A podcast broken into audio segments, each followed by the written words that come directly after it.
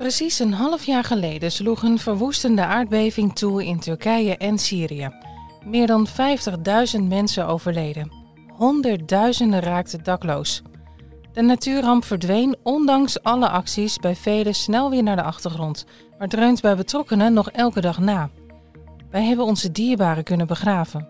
Dat is niet iedereen gegund. Je luistert naar Moet je horen, waarin we bijzondere verhalen van de Stentor aan je voorlezen. Met in deze aflevering hoe families in Turkije uiteen worden gerukt door nasleep van de aardbeving.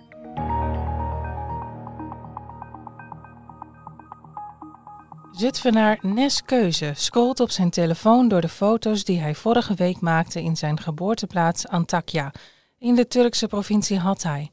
Hij is net terug naar het brengen van een bus vol hulpgoederen.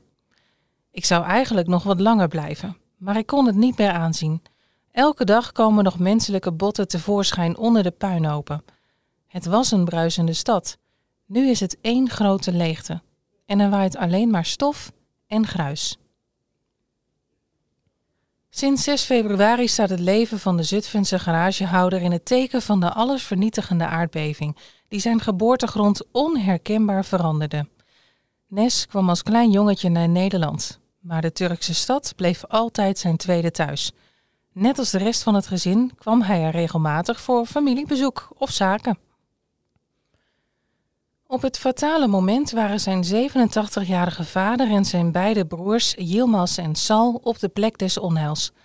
Na dagen van martelende onzekerheid werd duidelijk dat ze alle drie het natuurgeweld niet overleefd hadden. Het sloeg een gat in de hechte familiekeuze, vertelt Nes. Maar daarover wil hij niet al te veel uitweiden. Natuurlijk mis ik ze ontzettend. Het is niet te bevatten. Zes keer ging hij al naar Turkije sinds de aardbeving om familiezaken te regelen, maar ook om de achterblijvers te helpen. Wij treuren om onze overledenen, maar er zijn nog zoveel mensen die daar nu nog in de ellende zitten. Voor hen wil ik ook iets doen. Mensen uit de buurt hebben hem geholpen na de aardbeving, vertelt Keuze. Ze hebben met blote handen gegraven naar mijn vader en broers. Daar ben ik ze heel dankbaar voor. Wij hebben onze dierbaren kunnen begraven in ons familiegraf. Dat is niet iedereen gegund. Veel mensen verkeren nog steeds in onzekerheid, moeten wachten op DNA-onderzoek als er resten worden gevonden.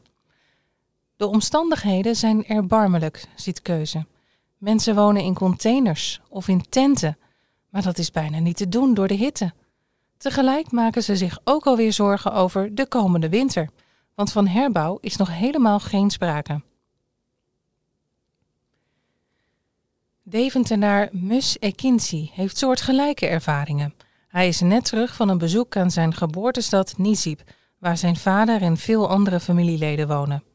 Net na de aardbeving was hij er al een aantal dagen om maaltijden uit te delen aan de mensen die het zwaarst getroffen zijn. Nu, zes maanden later, overheerst bij hem de machteloosheid. Nizib is niet zo zwaar getroffen als andere steden, maar het contrast is enorm. In de ene straat is niets aan de hand, een straat verderop ligt alles nog in puin en wonen mensen in de geraamtes van hun woningen. Het leven gaat er wel door, maar het gaat economisch ontzettend slecht. Families die toch al zwaar getroffen waren, worden nog verder uit elkaar gerukt doordat mensen wegtrekken om elders werk te zoeken. Zelf voelt de Deventenaar ook nog steeds de behoefte om iets te doen voor zijn geboortestad. Na zijn maaltijdenactie was hij betrokken bij het sturen van sportkleding voor kinderen in het getroffen gebied en onlangs hield hij nog een veiling met vrienden die 4500 euro opleverden. Daarvan kopen we spullen voor weeshuizen waar kinderen wonen die door de aardbeving hun ouders zijn kwijtgeraakt. Na de ramp ontstonden meteen talloze initiatieven om geld in te zamelen voor Giro 555 waarmee de gezamenlijke Nederlandse hulporganisaties voor noodhulp konden zorgen in Turkije en Syrië. In Zutphen werd daarnaast een grote actie opgezet door voetbalclub AZC, waar de familie Keuze nauw bij betrokken was. Een veiling en een benefietavond leverden bijna 80.000 euro op. Ook de gemeente Zutphen droeg 100.000 euro bij. Besloten werd tot de oprichting van de stichting Zutphen Helpt Hatay. We willen het geld inzetten bij de wederopbouw van de wijk in de stad Antakya, waar de familie Keuze vandaan komt. Het moet een goede komen aan de gemeenschap daar, vertellen bestuursleden Jan Ichang en Jamil Oskan. Via contacten in Turkije proberen de bestuursleden na te gaan waar behoefte aan is. Daar is uitgekomen dat we ons vooral op kinderen willen richten, zegt Jamil Oskan. Via familie kreeg ik filmpjes waarop te zien is dat kinderen tussen het puin spelen. Ze gooien stenen over naar elkaar. Ze gaan niet naar school.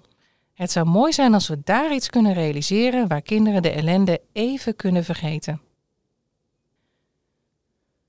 De besteding van het geld is lastiger dan gehoopt door allerlei obstakels in de communicatie, zeggen Ichang en Oskan. Maar spijt van deze constructie hebben ze niet. Ook al komen nu af en toe de vragen of er en waaraan het geld wordt besteed. Ja, we hadden het aan Giro 555 kunnen geven. Maar dan komt het op de grote hoop. Dit was een actie waar heel veel Zutphenaren zich belangeloos voor hebben ingezet. Bedoeld voor de mensen in dit specifieke gebied. Dan wil je ook dat het daar terecht komt. Ja, het is best een verantwoordelijkheid om het goed te besteden, maar dat gaat zeker goed komen. Het plan is om over enkele weken zelf naar Turkije te gaan en daar contacten te leggen. Daarnaast hoopt de stichting dat de gemeente Zutphen een partnerschap kan aangaan met de stad Antakya om de hulp te stroomlijnen. Ook voor de toekomst, want hier blijft het niet bij. Ook bij de moskee in Deventer lopen nog verschillende initiatieven voor hulp bij de wederopbouw. Via onze koepelorganisatie worden schooltassen uitgedeeld aan leerlingen in aardbevingsgebieden voor de start van het nieuwe schooljaar. Dat vertelt moskeevoorzitter Oguzan Akdemir. Plannen voor middellange en langetermijnhulp zijn ook in de maak, waaronder school- en moskeeprojecten. Verder is geld van zakat, dat zijn donaties die moslims jaarlijks doen voor minder bedeelden, verdeeld onder duizenden mensen in een getroffen gebieden, zegt Akdemir. Helaas blijft er nog altijd veel werk aan de winkel. We hebben leden die familieleden hebben verloren. Van hen en andere leden krijgen we de opdracht om door te gaan met het verlenen van humanitaire hulp. Dat geeft de gemeenschap hoop. Sefda Us uit Apeldoorn herinnert zich de aardbeving als de dag van gisteren. Ze was op dat moment in Gaziantep, de stad waar haar ouders zijn geboren, in het zuidoosten van Turkije. Met haar liefdadigheidsinstelling doneerde ze benodigdheden als laptops, rolstoelen en winterjassen aan scholen, maar ook fietsen, pizza's en snoep aan kinderen in dit arme deel van het land. Ik wil naar huis, naar Apeldoorn, gonste het 33 uur na de ramp door haar hoofd. Ik had toen al de ergste dingen gezien. Een lijk tussen het puin, een babytje dat in paniek naar beneden was gegooid en al die paniek en chaos. Maar dan, in het moment van de diepste wanhoop, gaat de knop om. Sefta staat op en gaat doen wat ze als geen ander kan: haar naaste helpen. De gedachte aan het veilige Apeldoorn vervliegt en ze stort zich er met hart en ziel op. De eerste twee maanden heb ik een soort alternatieve Elfstedentocht gedaan, op pad met vrachtwagens door de hele regio, met melkpoeder, etenswaren en vooral ondergoed en maandverband. Het is een enorm land en het kost tijd om hulp overal te krijgen, maar het leven gaat wel door. Vrouwen worden ongesteld en baby's worden geboren. Onze hulp was meer dan welkom. De dankbaarheid van de mensen, ik krijg daar nog kippenvel van.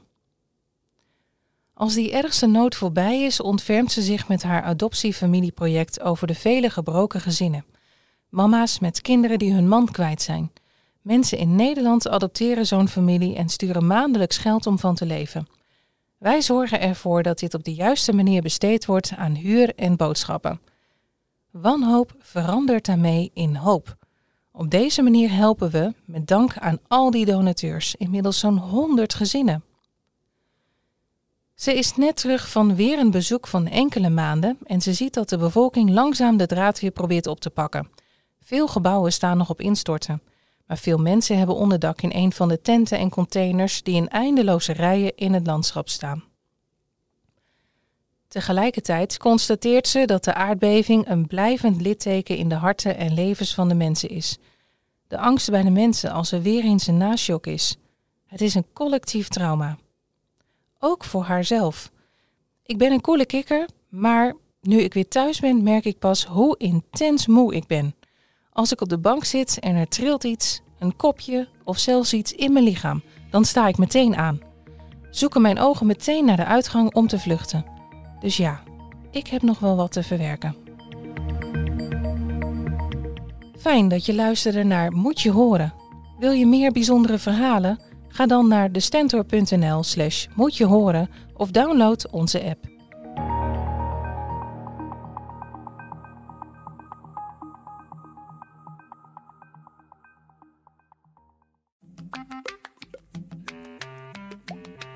Iedereen weet het. Ongeluk plan je niet, het overkomt je. Toen heb ik een hele tijd weer moeten revalideren voordat ik zelf weer kon lopen. Ja, als je van tevoren had geweten, ja, dan weet ik niet of we er überhaupt aan waren uh, begonnen. Hoe zorg je voor jezelf als het leven tegenzit? En hoe houd je de regie? Je hoort die antwoorden in aflevering 23 van de podcastserie Zorg voor Leefkracht.